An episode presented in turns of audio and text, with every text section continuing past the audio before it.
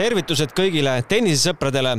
matšpalli podcasti kuuekümne teine episood peaks meil olema, kui minu arvutused paika peavad. mina olen saatejuht Gunnar Leheste. täna on meil stuudio rahvast täis. minu paremal käel kaassaatejuht Riho Kallus. tervist! üle laua diagonaalis paremale Mihhail Lehtmets. tere! ja no meil on olnud siin igasuguseid saateid, on käinud noori, on käinud vanu mehi, naisi, igasuguseid aga ma arvan, et sellist eh, pidu ja pillerkaart pole meil siin stuudios varem olnud. meil on suur rõõm ja au tervitada stuudios täna kaheksakümnendat juubelit pidav Toomas Leius.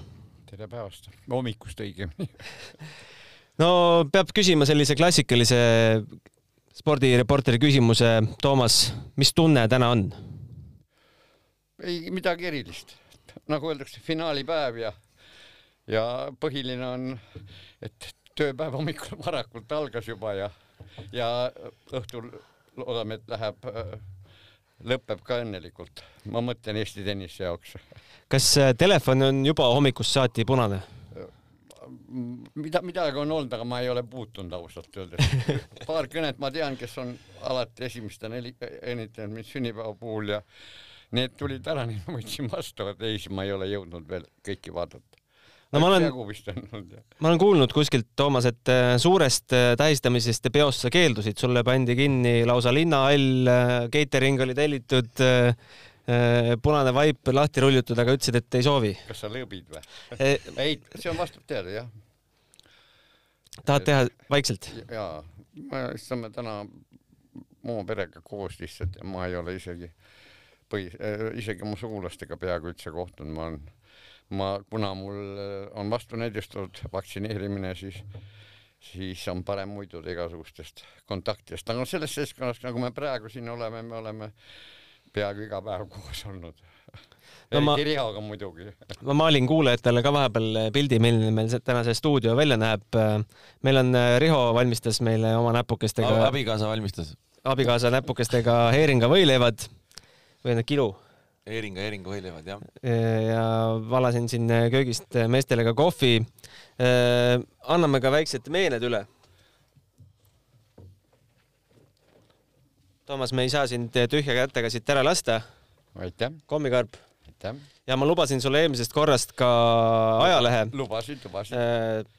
võib-olla tutvustan natukene kuulajatele ka, et kohtusin Tokyo olümpial siis sellise legendaarse tenniseajakirjaniku nagu Ubaldo Scagnataga, Scana, Scanagataga, kes on siis Ubi tennise peatoimetaja ja oli siis äh, kuuekümnendatel ühel Toomase matšil Firenzes pallipoiss.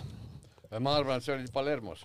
Palermos võis olla, jah? jaa, sest ma mäletan, mhm. sündis tütar äh, just samal, äh, samal päeval siin ka Palermo, ma loodan ikka. meil oli päris äh.... ei, siin on Firenze. Firenze. jah. seal on, seal on pa-, pale-, ah Firenze, siis oli see järelikult jah, siis oli see Davis karika matš kuuekümne teisel aastal äh, Itaalia vastu, see oli esimene aasta, kui me mängisime üldse Davis karikat. ilmselt siis ma ei ole lugenud seda, sellepärast ma äh, noh, mõningad äh, laused ainult, mis on nagu lühendatud ma ei ole seda, sa lubasid, aga ma ei ole siiamaani saanud, nüüd praegu sain, eks mul on läbi, siis äh, äh, aga ta oli, vaatas kõrvuti, ahaa, Palermo finaali, noh, selge. Palermo finaali. Palermo finaalis Kon istus ta Kontaveidi isa kõrval. aga ma ja. mängisin just, äh, tähendab, Palermo, ma ei mäleta, kas ma võitsin seda turniiri, väga võimalik, et võitsin, ma ei ole seda äh, neid turniirivõite üksjagu oli, aga kõik ei ole meeles. no sel turniiril seesama meesterahvas äh, ise on ka mänginud, sellepärast ta sinna üldse kutsuti, et see on niivõrd legendaarne kuju on, aga, aga ärme vast sellesse artiklisse kinni jää. Äh, Toomas, me arvame, kõik tahaksime teada, mis on sinu pikaealisuse saladus? oled sa mõelnud selle peale? ei ole, ei ole ausalt öeldes mõelnud nagu nii detailselt pikaajaliselt nii kaua elanud olen, noh jah, see arvestades sellega, et mul nel-, neliteist aastat tagasi, kolmteist aastat tagasi avastati vähk ja oli nagu minemise peal mingisugune umbes kuskil kolm protsenti, see on kõik subjektiivne, nii nagu sundimatute vigade ar arvutamine või fikseerimine tennises, et aga nii et äh, selle, sellest momendist võttes muidugi on on olnud õnn nüüd elada üksjagu. aga mida, mida sa teed, on sul mingi rituaal, pits konjakit borsisupi alla või kuidas? mm,? no ma, see ei ole nagu tele, ei ole telefoni, see ei ole nagu. ei no kõik saladused tuleb ikka välja. ei no võin öelda, et äh, kõige tuntumaid vene onkolooge soovitas mul võtta iga päev kerge viina. Täpselt samuti nagu Brežnevi arst ka televi-, televiisoris viiskümmend, no mitte palju rohkem. ja, ja ta ütles, et äh, ärge muutke oma nagu neid harjumusi äh, sellest igapäevaseid. ja muidugi ma pean regulaarselt võtma, võtma verelahjendit, marevaani. aga ma olen, no see on, seda iga päev seda täita ei ole alati kõige lihtsam, sest sageli ja, ja mitte samal ühel ajal, aga no ma iga päev võtan igatahes, isegi täna hommikul. pluss veel siis äh, äh, ühesõnaga vähivastast. et mul noh püsiksid need vastavad näidud teatud piirides. no igapäevane liikumine ka ju, sa satud ju iga päev ikkagi tennisehalli. peaks liik-, ei satu, ei satu praegu, eriti pandeemia aeg no. sellepärast, et peaaegu poolteist kuud ma praktiliselt ei käinud peaaegu toast väljaski. Toomas, kas äh, tennise kommenteerimine pikendab eluiga või lühendab? no praegu on elu läinud päris huvitavaks selles mõttes, et äh, oled nagu tennise sees, üks asi on, kas sa vaatad, kas sa vaatad kodus või ütleme, mm, vaatad kodus seda mängu, siis tahes-tahtmatult tegeled, vaatad teistelt programmidelt mänge ja leiad endale huvitava mängu, mida vaadata.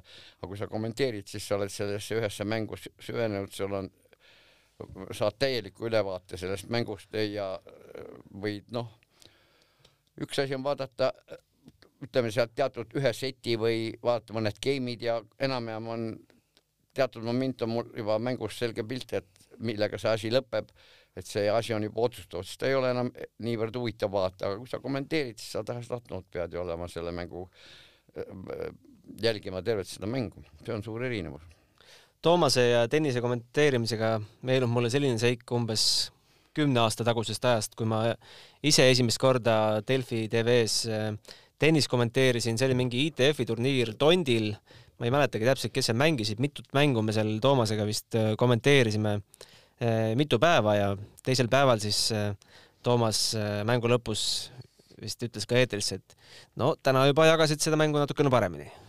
noh kas ma solvasin? ei, ei, ei, absoluutselt, see oli kompliment. see on ju täiesti selge, et ega see ei ole, mul endalgi on praegu, ma olen kolm korda üksinda kommenteerinud, see on ikka päris korralik pingutus sellepärast et no noh, noor kommenteerija, sest teised on nagu mul kõrval siin äh, on, kellega me istume siin praegu, need on nagu öeldakse kogenud kalad, aga ma olen nagu suhteliselt algaja, üksinda on natuke keeruline no.. niisugustes härrades seltskonnas ma tunnen ennast väga kindlalt.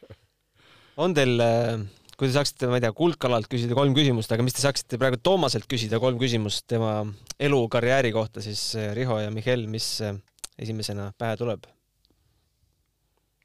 rasked küsimused see on tõesti raske küsimus, ma mul niimoodi nüüd siin otse-eetris kohe.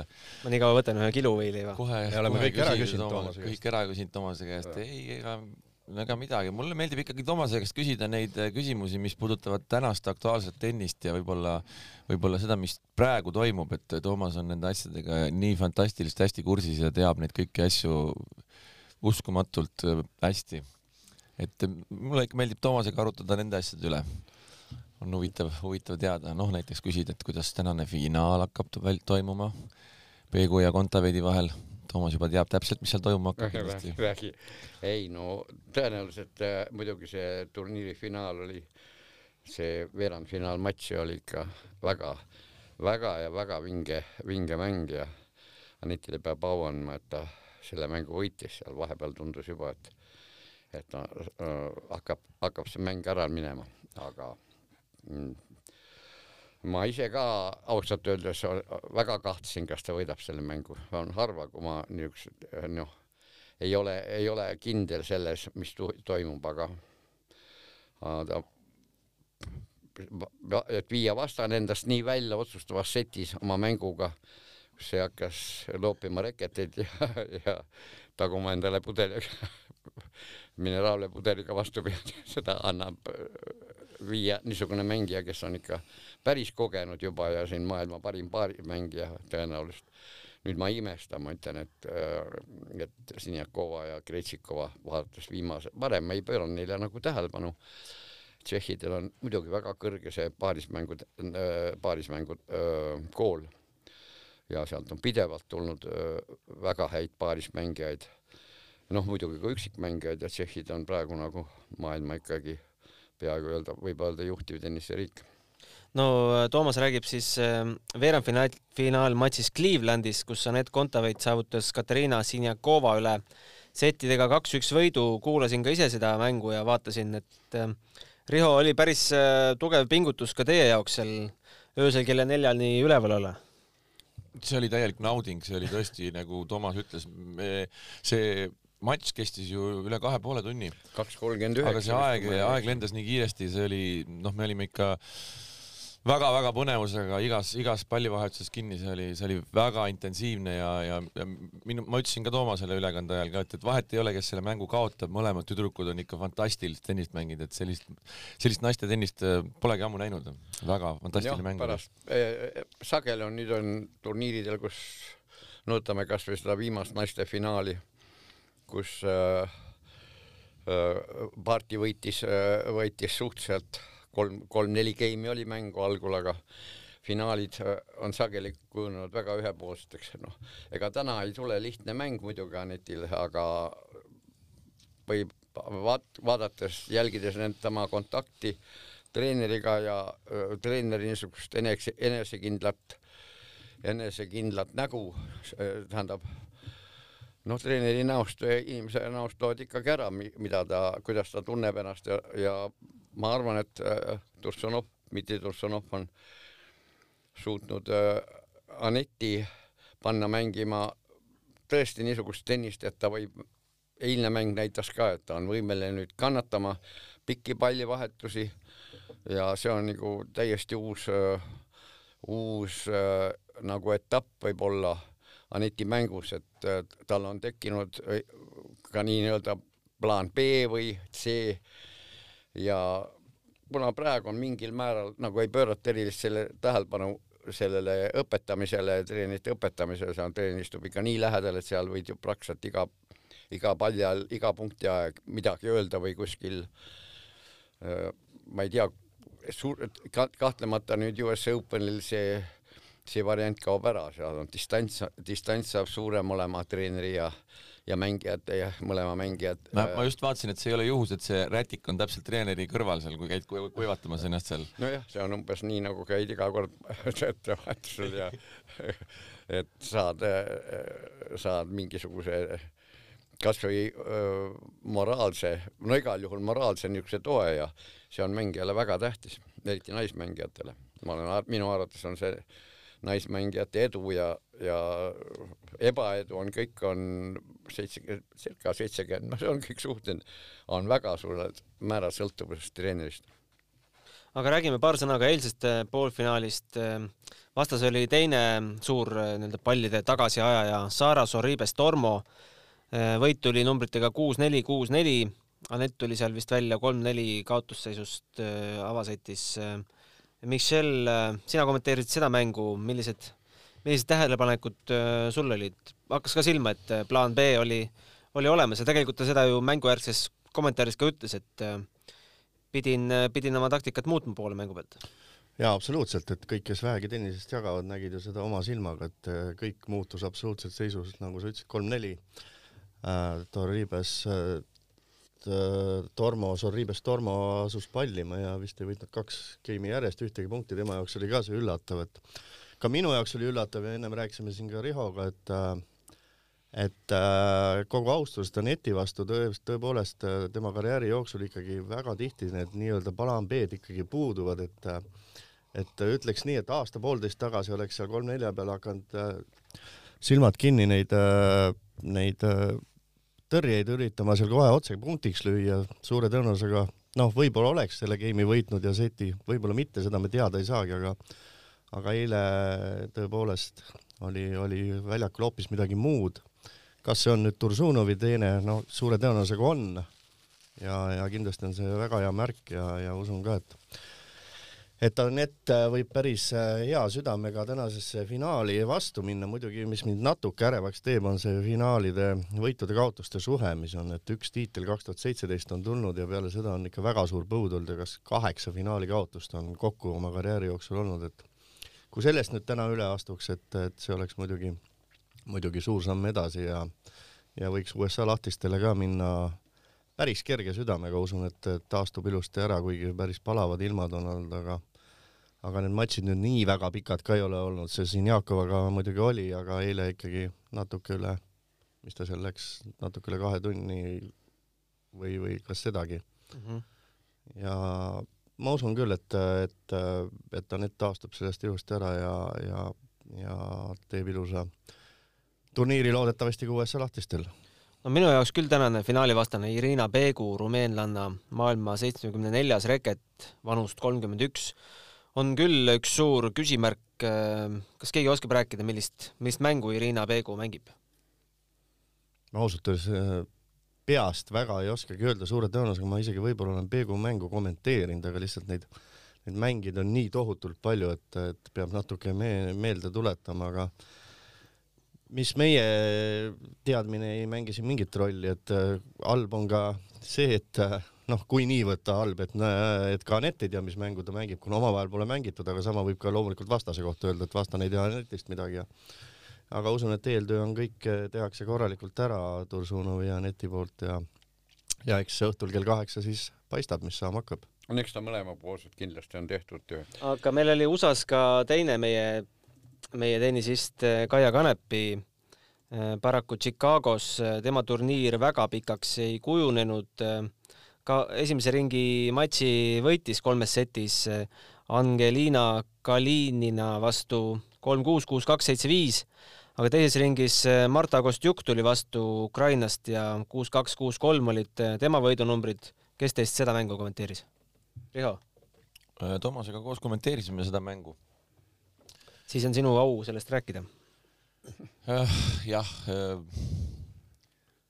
kui nüüd äh, siin Aneti turniirist rääkida ja Anetiga võrrelda, siis see mäng oli natuke võib-olla seal teis, teises ääres üsna, üsna õnnetu oli, oli see, oli see matš ja, ja no praktiliselt ega, ega seal, ega seal võitja ka väga hästi ei mänginud, et seal oli, seal oli no, paras tuul oli muidugi. paras tuul oli jah, äh, Kaia ka ütles peale seda, aga no seal ikkagi esimene serv ei, ei, ei tulnud praktiliselt kummalgi sisse seal mängu jooksul ja väga palju oli selliseid sundimatuid vigu ka, et, et äh, ma arvan, et selle matši põhjal nagu äh, teha järeldusi, millises vormis Kaia täpselt on, ma ei usu, et see nüüd näitas tema hetkeseisu, et see oli kuidagi väga kummaline no ega see esimene, esimese, esimene vastane, esimese ringi vastane, see mäng oli ka ikka päris niisugune noh, raske on, kui sa ei ole pikka aega mänginud, ega Pärnu turniir üks matš, üks noh, öelda tõeline tennisematš, mis tal oli selle noore austerlanna vastu.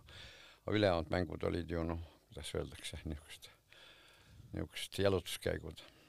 ma tahtsin veel vähe, vähe mänginud ikka ta turniiri, Kaia mängib hästi siis, kui ta saab mängida pikka turniiri ja, ja mängib, ütleme, oota, kui ta hakkas, see suur tõus hakkas äh, Silver Karjuse käe all, siis nad mängisid ka ju, mängis, äh, kõigepealt mängis ühe, kas oli saja tuhande, sajanda tuhande turniiri ja teine oli kas seitsmekümne viie tuhande või midagi taolist, ta sai mängida kahe nädala jooksul. enne Prantsusmaa lahtiseid, jah? jah, sai mängida äh, circa kümme matši vähemalt, pluss veel seal, pluss veel seal mm, Fed Cupi matšid siis kui ta võitis, Henan seisis siis selle reisi edetabelis aasta, aasta edetabelis oli esimene ja esimene päev tal ei õnnestunud Mikk Maierit võita, seal oli päris tasavägine mäng, aga teine päev ta võitis, võitis Hanani ja oli seal päris, see matš oli päris huvitavas seisus, et Eesti oleks võinud ju Belgiat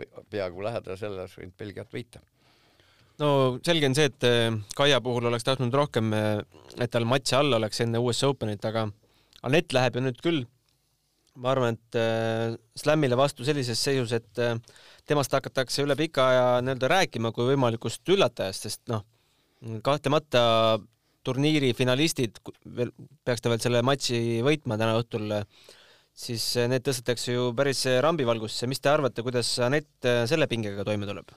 Ma usun küll, et see, see ei ole, ei tohiks mingi probleem olla ja, ja vaevalt, vaevalt nüüd Anett seda väga seal, isegi kui ta turniiri võidab, nii-öelda pilvedesse tõuseb kõik on seal profid, kõik äh, sada kakskümmend kaheksa mängijat ja usun, et, et see nüüd küll mingeid probleeme ei valmista, aga kui natuke Aneti nii-öelda loosist rääkida või tahad sellest hiljem rääkida? hakka pihta, muidugi.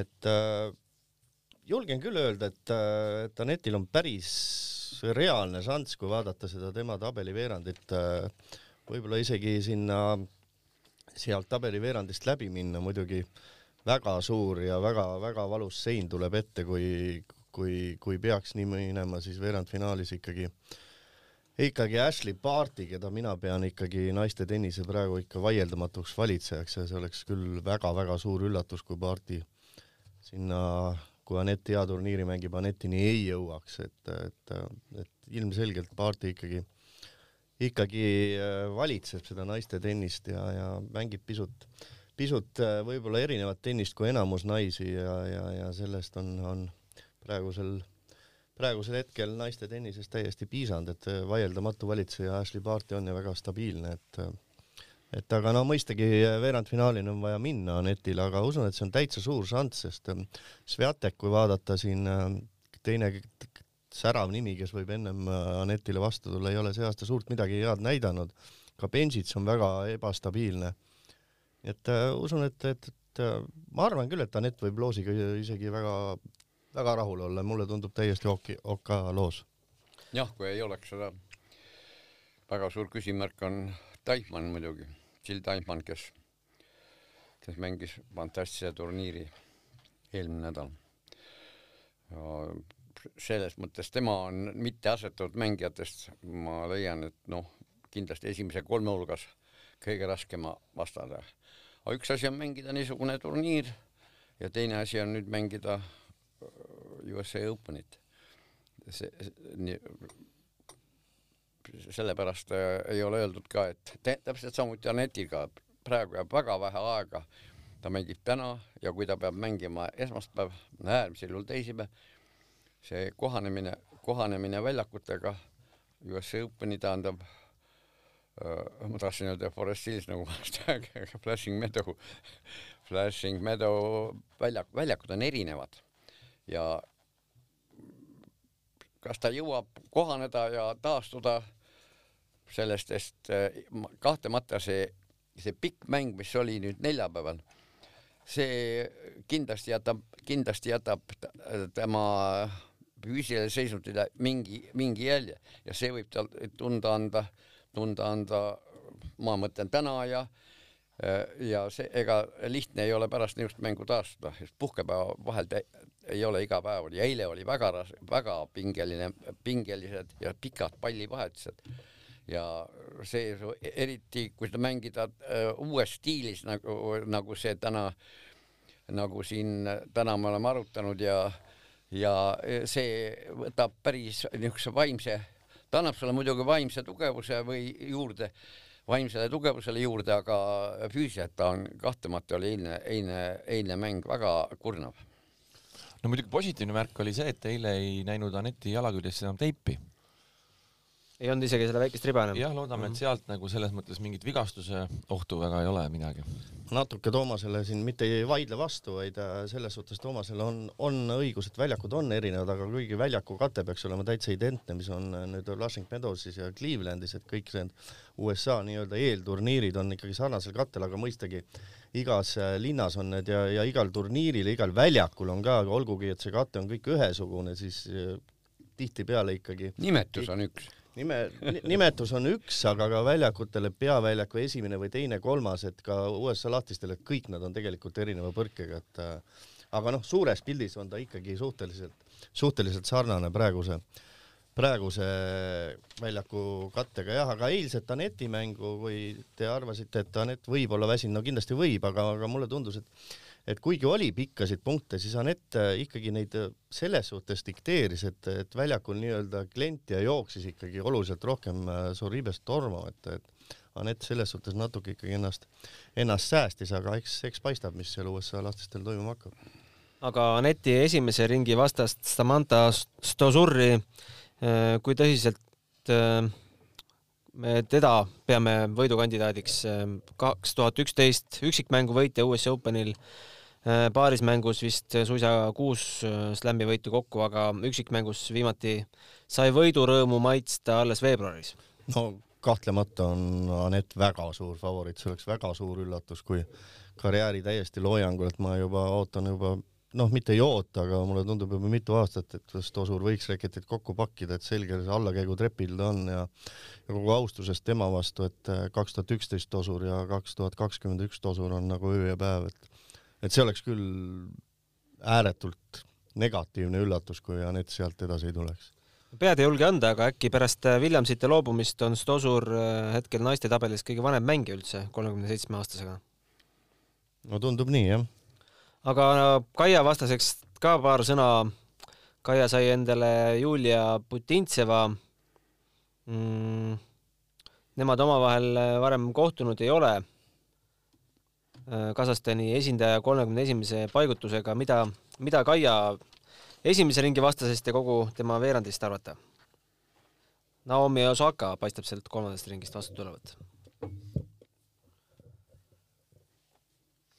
no Kaia puhul kindlasti oleks, äh, nagu Toomas ka siin korra mainis, et, et Kaia puhul oleks hädasti vaja veel mänge ja veel ja veel mänge, et, et äh, äärmiselt tore oleks, kui ta ikkagi jõuaks nii kaugele, et ta saaks äh, Osakaga mängida, et, et võib-olla need kaks esimest ringi Kaia suudaks ära võtta, siis see oleks kindlasti väga meeldiv üllatus, aga ega seal midagi lihtsat kindlasti ei ole ja, ja natuke vähe seda äh, seda mängupraktikat praegu olnud on, et, et see on kõige suurem küsimärk minu, minu jaoks eriti just noh, ma ei tea, ma olen kogu aeg räägin ja võib-olla ülekannetes isegi liiga palju seda rõhutan, vahest siin Toomasele meeldib kommentaare lugeda ja siis kommentaatorid ka ütlevad, et no mida sa jahud sellest servist kogu aeg, aga ma millegipärast Kaia puhul kogu aeg sellest servist jahun, et et kui vaadata neid statistikaid, siis paraku see nii on, et kui see servi äh, protsent kipub sinna neljakümne kanti jääma ja alla selle, siis, siis Kaia on probleemide ees ja kui Kaia kui see number juba üle viiekümne läheb, siis ja kuuekümnele läheneb, siis on väga vähe matše, kus Kaia üldse kaotab mänge. et, et minu jaoks on suur küsimus see, kuidas tal serv õnnestub, seal hakkab, kõik hakkab sellest pihta. või Toomas, oled sa nõus minuga? seda niikuinii, aga ma vaatasin praegu tabelit, selgus, et ütleme, kui Kaia võidab Putintseva, Putintseva on niisugune paras tagasiaja ja veatult mängib, aga kui, kui Anett, vabandust, Kaia kindlalt mängib nagu leiab oma selle rütmi seal, et ta Putintseva on siiski asetatutest, kolmekümne kahest asetatust üks nõrgemaid seal. ja aga järgmine ring on, kui ta võidab, on tal Fernandes oli, tundus, et on nagu päris hea, see noor Kanada tüdruk. aga nüüd ma vaatasin, et äh, Konjuh on tulnud ju kvalifaast läbi. Oli esimesena asetatud kvalifaas ja ma olen peaaegu veendunud ja võitis seal viimase mängu kuus-kaks Koset, Konjuh võidab seda Fernandest ja äh, väga raske saab olema Kaial äh, Konjuhi vastu teine ring. aga noh, kõik on võimalik, Konjuh on ennast sisse mänginud. Ta, tema mängutugevus on kahtlemata siin vähemalt maailma esimese neljakümne mängija hulgas oli, seisis vahepeal juba päris kõrgel, aga siis traumad ja oli ta nagu eemal tennisest, aga tundub, et võib teha siin suure tagasituleku turniiri. ja neil on seal, ütleme seal osas on Osaka, millises seisus Osaka on, temast te, praegu nagu tema käitumise ja selle järgi ei tea, millal ta võib selle turniiri ära lõpetada millal tal isu täis saab, hakkab nutma ja läheb, lahkub turniirilt, aga samuti äh, kui ta on kaks korda võitnud USA Openi, miks ta ei võiks seda kaks ilma kolmandate ja miks ta ei või seda, ka seda turniiri võita? no favoriit number üks, ma arvan, et te nõustute, on ikkagi Ashley Barti. Ehm, mul endal tekkis ükspäev selline mõte, et me oleme siin pikalt oodanud, millal naiste tennises mõni selline äh, valitseja tuleb pärast Serena Williamsit, aga äkki, äkki enam ei peagi otsima, äkki see austraallanne on nüüd selle koha üle võtnud. no mina seda, seda räägin juba siin mitu kuud, et, et mulle tundub küll, et et ta on selle koha üle võtnud ja, ja ta on ju ka nüüd liiva peal väga hästi mänginud ja ja ta on teistsugune tennisist kui enamus naistennisist, et, et väga mitmekülgne mängib nii-öelda kui nii võib öelda ka meeste tennist, et väga sarnaselt kõik lõiked ja, ja, ja, ja noh, kogu, kogu arsenal ja mängu lugemine ja mängutarkus ja kõik see Eh, on, ma arvan küll, et äh, tuleviku valitseja võiks paarti olla ja ta tundub, et ka üleval on kõik korras, et kogu austus Osaka vastu, et seal ikkagi liialt palju on äh, segadust küll ühe, küll teise, küll kolmanda asja ümber ja nagu Riho ütles või vabandust, Toomas ütles, et et võib-olla hakkab siin nutma ja jookseb väljakult minema, mine tea, aga Ashley Barti seda kindlasti ei tee ja ja minu silmis on küll Ashley Barti tõepoolest äh, vaikselt tasatargu võtnud ikkagi Serena Williamsilt äh, selle naiste valitsejanna taktikepi üle. no seda tabelit vaadates Parti poolfinaali vastast ma ei oska nüüd küll ennustada, siin asetuste järgi justkui peaks olema Karoliina Pliskova, aga Pliskova mängud on ka sellised seinast seina ja Bianca Andreescu, kes sealt tabeli põhjast äh, talle peaks eh, poolfinaali vastu tul-, vastu tulema, ega ei no Gunnar, vaata nüüd, vaata no. nüüd ilusti Kontaveit on aa, Aneti nimi on ka, jah? Anett ei saa poolfinaalis Paartile vastu tulla kahjuks. veerandfinaalis saavad ennem kokku, jah? jah. et äh, aga oskate siin, ma ei tea, siit altpoolt tuua talle poolfinaaliks eh, mõne favoriidi? no jah, nagu sa ütlesid, tegelikult väga tabavalt, ega, ega siit ei tea tõepoolest, kes siin äh, kus sa siit üldse Pliskova leidsid, ma leian siit Kristiina Pliskova, aga ah, Karoliina Pliskova on asetatud ju neljandana. ei, Kristiina Pliskova. ei, Karoliina tuleb ikka ah, Karoliina ma mõtlen, kas ma ütlesin Kristiina või? ma leidsin siit Kristiina, aga kust no, kust, kust te Karoliina leiate? minul on Karoliina. Karoliina on ka, jaa, vabandust, jah. et äh, no kui peaks pakkuma, midagi ju peab pakkuma, et, äh, et äh, suure tõenäosusega see ikkagi, ikkagi Pliskov olla võiks, et Andrescu jah, et väga õnnetu, väga, väga lootustandev ja, ja kui siin aasta paar tagasi, kui ta tuli seal suure hooga Indian Wellsi võitis ja vist oli Indian Wellsi ja, ja takkatippu veel USA lahtised tennisemeistrivõistlused või oli see Cincinnati, no tühja sellest, et äh, tundus, et, et see on see inimene, kes, kes võiks naiste tennist valitsema hakata, aga väga palju vigastusi, väga pikalt eemal olnud ja, ja mine tea, et äh, kui oma nii-öelda ühesse tükki enda, enda keha saab, et mis seal toimuma võib hakata, aga, aga ei usu, et see turniir see on, mille, et Andrescu peaks poolfinaali jõudma. nii ja teiselt poolt siis äh, asetuste järgi paika pannes oleks äh, poolfinaal äh, Svitolina, Sabalenka, aga säravaid nimesid loomulikult mahub siia teisigi, Simona Halep on meil tagasi äh,, Osaka loomulikult äh,, no Osaka tegelikult peaks tulema jah, kolmand-, kolmanda paigutusena sinna äh, poolfinaali hoopis äh, Azarenka, Mertens, kes äh, läheb kokku äh, võib ka öelda meie tennisisti Rebecca Petersoniga kohe esimeses ringis. seal on Muguruza, Aleksandrova, Krejtšikova, et üsna ikkagi ennustamatu on see teine pool ka on absoluutselt ennustamatu. ei no naistest, naistest on siin ikka niivõrd palju nimesid ja nagu alati on olnud, et kuueteist, kolmekümne kahest asetatutest kaks ringi läbivad isegi viimasel turniiril või ühel turniiril, kas see oli Pariisis või oli see Wimbledonis, isegi vist kas viisteist või kuusteist, pooled neist ei jõudnud, ei võitnud kahte ringi isegi. no mina pakun siit, äh, võib Toomasele vahele segada korra, et, et Coco Kauf võiks olla see, see nimi, kes, kes äh, võiks siit äh, üllatada sellest alumise poole ülemisest otsast veerandfinaali ja, ja, ja siis alt võiks tõesti see tegelikult ikkagi ikkagi olla Riina Sabalenka, kes on maailma teiseks reketiks tasa ja targu tõusnud. jah, aga lähme nüüd äh, meeste tabeli juurde ka. suur küsimus loomulikult. me ei jõudnudki siis selgeks, kes võidab siis lõpuks. kes see võidab? naistest. parti leppisime kokku ju. paneme kõik parti siis või? paneme kõik parti. paneme kõik parti, mis seal ikka. ennustusvõistlus, kõik ütlevad parti. ma arvan küll, et ta ei võida arvad, et ei võida? no aga Toomas, paku siis, kes võidab? ei no lihtsam on alati pakkuda, et ei võida, eks see on selge. kui Osaka mängib selle turniiri noh lõpuni ja on normaalses seisus, siis ma, tal on, lõpuks ta on ikkagi kaks korda Ameerika võitnud. see mängib suurt rolli, aga siin võib iga ring juhtuda iga ring võib neid üllatusi juhtuda ja Paarti oli mitte ammu just ka siiski vigastatud jah, ja, ja seitse mängu mängida niisugusel turniiril ei ole sugugi lihtne. vaatasin pulli pärast eile ka meie naiste võidukoefitsiente, turniiri võidukoefitsiente. Kaial oli see viissada ja Netil sada viiskümmend. üritasin leida sellist kohta, kus saaks panna finaali peale, et äh, Kaia Anett finaalis, ma arvan, et kas siis peaks selle sada viiskümmend ja viissada korrutama omavahel või mis see, mis see sa ei koefitsient tohi kuskile midagi panna, Gunnar. jah, et äh, tõepoolest, et äh, mulle tundub, et iga korraga aina rohkem, et suure, suure tõenäosusega jääbki niimoodi, et Anett ja, ja Kaia ITF äh, või vabandust, VTA karussellis ei kohtugi omavahel, et aina neid variante jääb vähemaks ja, ja iga loosimine, mis on, on nad ikka nii võimalikult kaugel üksteisest, kui veel olla no on sattunud ikka päris ligidale. Austraalia Open üks aasta oli vist kolmas ring oli no õhus. jah, aga kolmas ring, aga võiks ju teine või esimene ka olla, kui aastaid ja aastaid on no ju iga Navarro, Navarro segas selle ära muidugi seal mm, -hmm. see tegi seal imenumbreid, Anett oli ju seitse, neli, üks, jaa, aga see võib olla selline, see võib olla, isegi kui see mäng toimub ja juhtub, siis see võib olla selline väga kummaline matš, mis ei näita mitte midagi. ei, seda küll, aga lihtsalt oleks huvitav tore. oleks näha jah, aga, aga, aga noh, tihtipeale see võib olla, et kui see on siuke Eesti, Eesti esimese-teise omavaheline matš, siis seal võib olla mingid muud mõtted peas, kui see ja aga milline mäng siis näitaks midagi, sest Jah, see, jah. see näidismäng ju ka ei näidanud. ja just, et huvitav, see näidismatš oli päris tõsine.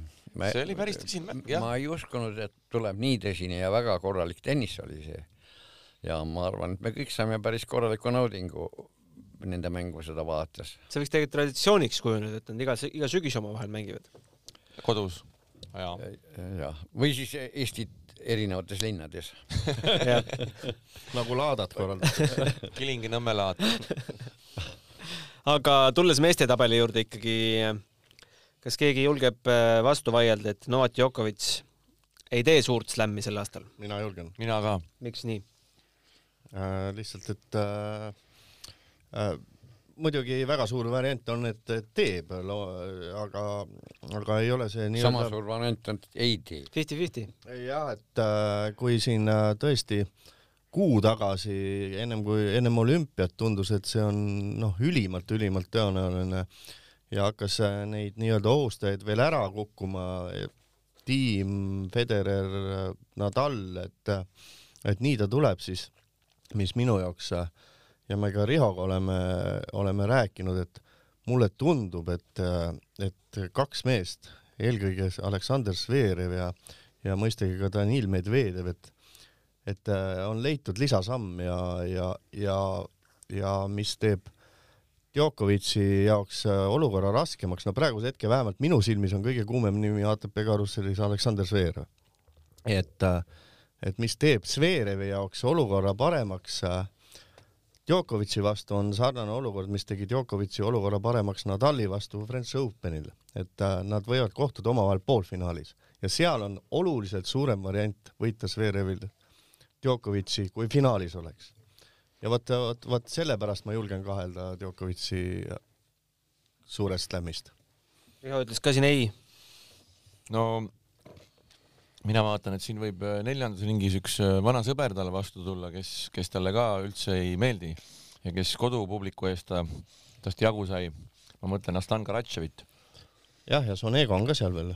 ja Selles Sonego on teine mees, kes on teda võitnud äh, kõva kattega, aga, aga, aga jällegi äh, alati me räägime Grand Slamist, me räägime viiest parem, me räägime Novak Djokovicist, mehel, kellel nagu seda kogemust ja ükstaskõik kes äh, jõuab jällegi finaali, tema jaoks on see elu, elumäng, Djokovic'i jaoks on see mitmes finaal, kolmekümnes. Vahet ei ole, aga el elumäng tema jaoks ka oleks võimalik kahekümne esimene Grand Slam saada. selles mõttes ma olen nõus, aga, aga jah, et, et kindlasti teda nagu ähm, aga ikkagi tema jaoks töö, tavaline tööpäev kontoris. tema jaoks tavaline töö kontoris just, et, et, et, et, et ma mäletan, et, et siin ega siin ka juba aasta alguses ja me oleme siin kogu aeg rääkinud sellest, et uus generatsioon, uus generatsioon, uus generatsioon ja nagu Djokovic ise ütles, et mina olengi uus generatsioon, et nii on olnud siiamaani, aga, aga ma, ma isiklikult ütleks ka sedasama asja, et minu jaoks äh, see, mida see tennis, mida Aleksander Zverev on mänginud, no see meenutab äh, natukene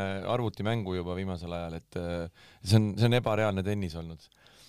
Et tuleb meelde kohe see, oli see, kus turniiril nad mängisid äh, Lloyd Harrisega, kui no praktiliselt mitte ühtegi punkti oma servilt ei kaotatud terve seti jooksul ja ei olegi võimalik üldse, ei olegi võimalik punkti võita üldse oma servilt, see, see, see, see tundus nii kaotada tähendab. kaotada jah, no praktiliselt nagu noh, see, see tennis on midagi muud, et, et kui Aleksandr Zverevil ei noh, varasemast, vara, varasematest hetkedest ka eks, eks kõigil tekivad ja temal on ka tekkinud neid nii-öelda musti auke, eks me mäletame kõik seda Ameerika lahtsite finaali, aga neid musti auke ei ole nagu ammu enam näha olnud tema puhul. mina pean ka teda kindlasti väga-väga kõvaks favoriidiks. aga teine aset, teise asetusega Danil Medvedev no Toomase suur lemmik Toomas räägib temast. Toomas teab Danil Medvedevist kõike, nüüd Toomas no, räägib nüüd. mis siin teada on? selge see, et tabel on, tabel on, äh, see loosimine on igati soodne äh, Danil Medvedjevi jaoks, sest Zverev ja Zverev ja Djokovic on tabeli teisel poolel ja tõenäoliselt üks neist kolmest, üks neist kolmest äh, võidab, võidab US Openi, see on enam-vähem selge. Aga ütleme, räägime kõigepealt sellest Djokovic'i tabel, seal on ikka Vene müür, kui ta Vene müürist nüüd läbi läheb, siis, siis finaal on muidugi, Riho ütles õieti, et see on, temale on see, nagu öeldakse, rutiin. rutiin jah, aga teiste, teistel, kes seal sinna jõuavad, siin, nendel puudub see Grand Slami turniiri võit aga seal üleval on, ärge unustage seda niisugust nime nagu Hurkacz. Hurkacz oli, Hurkacz on, äh, võitis ühe korra Medvedjevit, hea küll, see oli katkestatud mäng ja kümne minutiga teisel päeval õnnestus, äh, õnnestus tähendab jutumärkides Medvedjevil see kümne minutiga see mäng ära kaotada. Aga ta tuli Hurkacz, Medvedjev tuli Hurkaczi vastu välja ka täiesti lootusetust mängust viimane mäng, aga Murkats on ka Djokovic'i tabeli poolel ja ei ole välistatud, et nad äh, veerandfinaalis võivad kohtuda. et seal äh, on, Murkatsil on seal, ütleme seal Berettini, Fonini, Soniego on täie, see aasta näidanud ikka äh, fantastilist tennist ja teda, kui Djokovic ja need, Djokovic ja Hurkats peaksid kohtuma, kui need pallivahetused lähevad, lähevad pikaks tal, Djokovicil ei ole millegagi võita seda, seda Hurkacit kindlalt ja need mängud ja parem viiest mängud, need võivad tast meeletut, meeletut energiat võtta. ja ütleme, tõenäoliselt on Karatšev jõuab kuuesteist, kuueteist hulgas Karatšev, siis ütleme Hurkac, siis Veerev ja ütleme, jõuavad finaali, selleks ajaks kui ta sealt läbi tuleb, see on kõva poiss, midagi ei ole öelda, siis ta, miks ta ei võiks ka või võiks ka Medvedjevit võita, ütleme, kui Medvedjev on finaalis. aga seal all on noh, tõenäoliselt on seal kas Tsitsipas või Medvedjev, ega seal palju, palju teisi variante ei ole, muidugi Rublev võib seal üllatada, on ka väga hästi mänginud, aga noh, tabeli alu- ja noh, Medvedjevil on ka raske, vastik on tal Tšilitsiga mäng kindlasti kolmandas ringis. Ütleme, tal on seal siiski äh, veerandfinaal aset äh, kaheksateistkümnes on Ruud kas Rutsat üldse läbi tuleb? no korra sa Toomas, Toomas ütlesid, et sa, et need kolmest üks võidab kindlasti selle Grand Slami. no ma ühe nime ikkagi paned veel juurde pan,? paneks ühe, ühe nime jah veel juurde, ikkagi Tsitsi-, ei, ma paneks ikkagi Tsitsipase sinna ka juurde ikkagi Tsitsipasele ma näen ka varianti, et, et ta võiks selle võita, et see ei oleks maailma kõige suurem tenniseüllatus kindlasti. kolm äh, Grand Slami võitjat üldse leiame kogu saja kahekümne kaheksasest tabelist siis vähemalt minu andmetel siis Djokovic'i, Zilitsi ja Marri. no Marri muidugi peaks esimese ringi järel reketid kokku pakkima kõikide eelduste kohaselt, Tsitsipase vastu ta saada ei tohiks, aga mine tea ei noh, Tsitsipas kahtlemata on täpselt samuti on Rublev, nad omavahel on samas veerandis. tõenäoliselt üks neist, üks neist jõuab, üks neist jõuab, jõuab poolde no, no poisid, kui Rublev võidab USA lahtised, siis on äh, joogid-söögid järgmine kord minu poolt. okei okay.. aga miks sa arvad, et ta ei võiks võita näiteks no,? aga no me ei, ta ei ole ikkagi, ta ei ole eh, esimese kolme hulgas, ütleme, kes, ta on, ta on järgmine, järgmised Tsitsipas, Rublev, need on enam-vähem kuskilt samast, samast järgust ja see, teiseks nad lähevad omavahel kokku ja üks neist, mina pakun, et üks neist jõuab sinna poolfinaali. jah, no Toomas, võib-olla tuleb meelde sul, kui me kommenteerisime Rublev-Medvedevi matši, kus, kus Danil Medvedev esimene sett tegi ikka Andrei Rublevi ikka päris lolliks põhimõtteliselt, ikka täitsa lolliks ja siis aga lõpuks ikka kaotas. aga lõpuks ikka kaotas, et ma tahtsingi just selleni jõuda, et, et tegelikult see oli päris üllatav, kuidas Rublev suutis ennast ikka kokku võtta. esimest korda üldse võitis. ja esimest korda üldse võitis, et, et see, see, see oli, see oli natukene jällegi selline võib-olla samm edasi Rublevi mängus. jaa, aga võib-olla see oli ka samm tagasi Medvedevi mängus, sest tegelikult ikkagi Medvedev, nagu te seal kommenteerisite, ikkagi väsis ka selgelt ära, aga see muidugi ei ole vabandus, onju, aga, aga me nägime ju, mis, mis Rubleviga finaalis tehti, et äh, seal sisuliselt ikkagi no täisklient oli, Zverevi vastu, seal ei olnud mitte mingit šanssu. no ja küsimus ongi, me, sa jäid äh,, ma unustasin selle teema ära. kuidas keegi kannatab, kuidas keegi kannatab palavust? ega John McEnroe vist kuskil ütles, et äh, suurim vaenlane ongi Djokovicile New Yorgi kuumus see aasta. aga Medvedev nagu mm, ta on, ta isegi ta on köhaehitus, ta on ju suhteliselt ikka noh, ei jäta niisugust võimast muljet, ta on kerge ja kõik, aga ta ei kannata eriti kuumust. jah, aga samas ju, kui ma meenutan paari aasta tagust USA lahtiste finaali Nadal ja Medvedev, siis Medvedev tuli ju kuue üliraske mänguga ja kõik arvasid, et Nadali vastu on ta täiesti küpse aga suutis kahe nulli pealt veel kaks-kaks settidega ja, ja kas oli otsustavas setis isegi võimalus tal murdega veel peale minna Nadali vastu, igal juhul, igal juhul kestis kõik need seitse mängu ära ja, ja väga rasked mängud olid. no ma ei mäleta, millise, millised ilmad olid, aga eh, ega siin ja tal midagi ta tervisega, ütleme siin ka selles, selles mängus äh, Rubleviga või kuskil tal oli nii, et ta Tokyos ta ütles ju, et, et tugikohtunikul, et äh, mis siis saab, kui ma väljakul ära suren, et, et. Äh, ja ükskord ta suri väljakul ära Aleksei Popirini vastu, mul tuleb meelde, kui ta krampides matši lõpetas, ma ei mäleta, kus see turniir toimus, aga, aga tal on ka selliseid probleeme olnud. ja mitte ainult äh, väsimus, vaid ka krambid ja niisugused asjad on, mis suurtel turniiridel mängivad väga suurt rolli. ja kui ka tema vastu minnakse selle peale välja, et, et mäng viiakse pikaks Äh, mäng viiakse pikaks, äh, see võib otsustada seda asja, aitab sellest ühestki mängust, mis tal läheb näiteks kuskil ütleme seal nelja või nelja poole tunniseks. eks ta ei, ta ei ole ju selline mängija, kes hakkab seal serviga pidevalt võrku jooksma, Djokovic võib isegi seda teha, muidugi teeb seda ainult äärmisel, kui ta enam muud varianti ei ole, ta hakkab ka isegi serviga võrku minema. no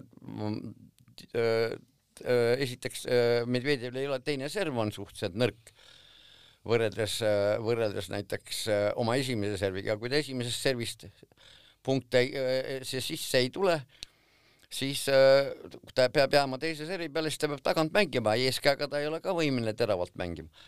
ja siis tal võivad, võivad tekkida raskused, põhimõtteliselt muidugi ta peaks mängima need kõik üle, noh, vahepeal ikka siin oli ikka eelmine aasta, kui ta oli siin absoluutne, absoluutne valitseja, kui ta võitis siin, oli seitsme, kuuel või kuuel turniiril finaalis, eks järjest. aga noh, siis olid jälle tulid. nüüd on see aasta õpi-, olid tal ikka teatud määral õpiaastad seal liiva peal mängimisel ja ja muru peal mängimiseks ja seepärast ta ei olegi saanud tõusta maailma esimeseks. ma esitan siia saate lõppu sellise provotseeriva küsimuse ka, et kas keegi paneb üldse tähele, et siit tabelit uurides, et äh, puudu on sellised nimed nagu Nadal, Federer ja Tiim. ei pane no, tähele. ei pane jah et äh, kaotame midagi, kui me selliseid mehi nüüd mõnda aega mängimas ei näe. Vavrinka on ka ju slam'i võitja veel siit äh, puudu.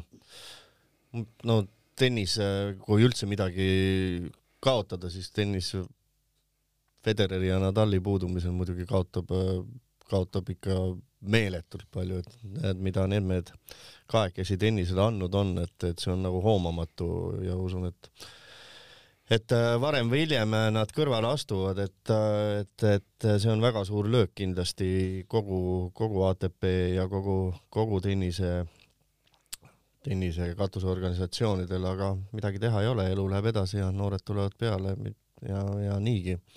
Oleme ausad, et viisteist aastat tagasi poleks ju keegi ette kujutanud, et, et maailma tipus mängitakse veel neljakümne aastaselt ja, ja kolmekümne kuueselt võidetakse veel Grand Slam'e, see tundus ju viisteist aastat tagasi mõeldamatut, siis olid mehed juba kümme aastat pensionil sel ajal olnud.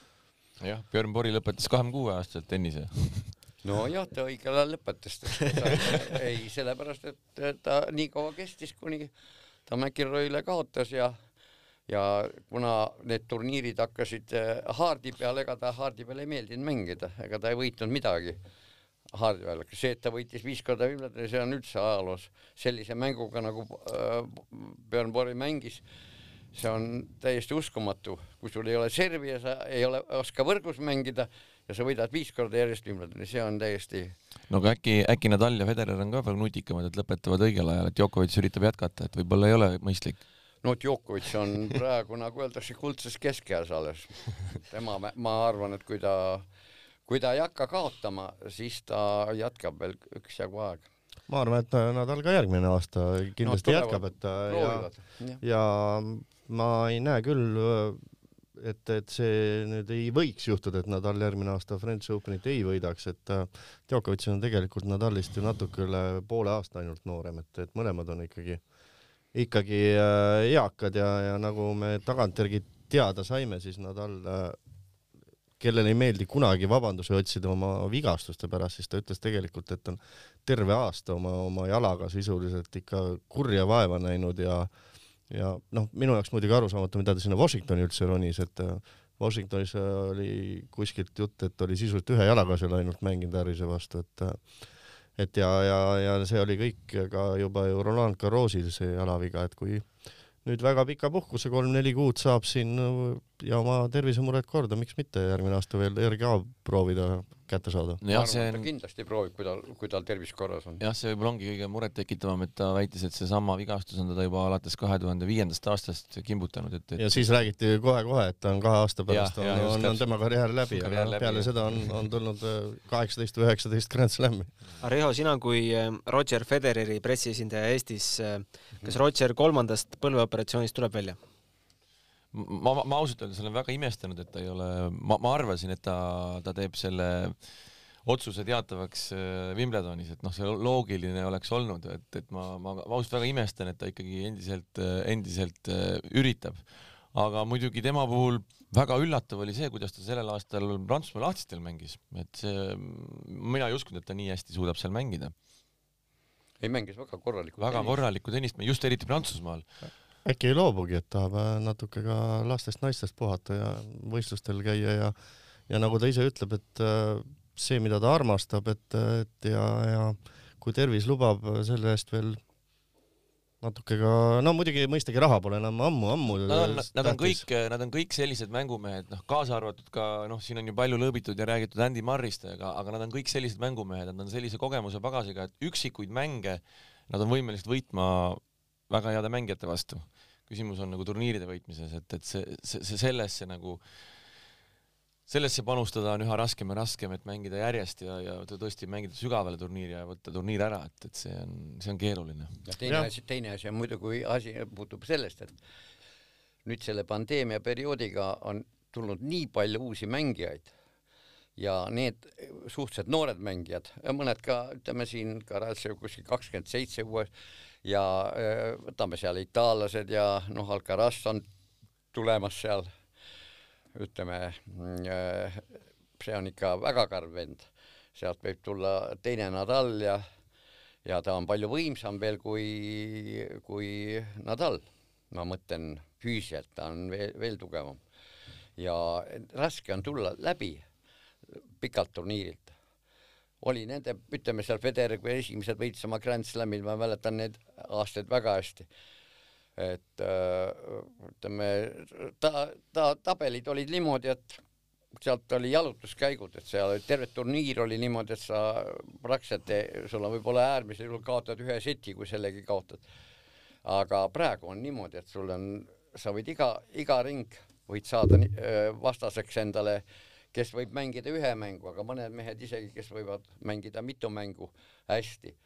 ja, ja neid vastaseid on palju, neid vastaseid on palju rohkem, kui ütleme sellel kuulsal nelikul oli jah, ka ma korra, kui veel võin, võib siin öelda, et ka mulle Alcaraz tõepoolest meeldib kõik, kogu see kehaehitus ja ja mis, mis mulle ta mängu juures meeldib, et on, kas ta sai nüüd kaheksateist aastaseks ja et ta mängib väga täiskasvanulikku tennist, et selliseid rumalaid punkte sisuliselt tema mängus puudub, et, et selles suhtes on Juan Carlos Ferrero korralikult asja paika pannud ja ja usun ka, et, et see mees oma karjääri jooksul nii mõnegi Grand Slami võidab, kui muidugi tervis peab, vastu peab, aga aga Riho lemmiklapsest me pole täna üldse rääkinud, kas räägime ka natuke, et mis Riho arvad, mis siis, mis siis sinu, sinu teine lemmiklaps, kelle pressiesindaja sa Eestis oled siin, äh, Janik Sinner, korda võib saata? vaatame, kus, kus see Janik Sinner siin, Janik Sinner on äh, Deniss Šapovaroviga jah, neljakümne kaheksas jah.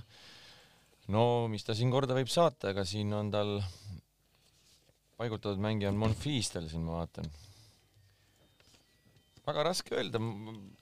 ta on äh... väga tublisti on arenenud, aga aga veel, veel päris tippu ikkagi ei ole läinud, aga, aga, aga väga noor veel endiselt. no just täpselt, et, et, et ta on ka ikkagi väga noor, et kui vaadata tema neid saavutusi, siis, siis need, neid saab kõrvutada ainult väga suurte nimedega, et, et, et ta on võimeline, võimeline arenema ja ta on väga palju oma mängu ka, ka muutnud, et et äh, me ei tea, millist tennist ta mängib aasta-kahe pärast, et äh, mina usun, et Janik Sinner on, äh, on, me vedasime sinuga kihla eelmine aasta vist. oli see eelmine aasta lõpus? meil on need kõik kirjas. ja, ja mina ütlesin, et ta on aasta lõpuks top kümne hulgas, eks ju, noh, top kümne hulka jõuda, siis tal oleks ikka vaja nüüd kuskilt veel üks hea korralik turniir teha aga ega ta on seal piiri peal juba varsti. jah, aga kui me, ma rääkisin korra, et Alcaraz on selline juba nii-öelda valmis produkt äh, nii-öelda vaimselt, siis, siis eelkõige mulle tundub, et Sinneril on, on natuke just sellest vaimsest kindlusest puudu, et kõik ülejäänud asjad on, on, on tal juba olemas.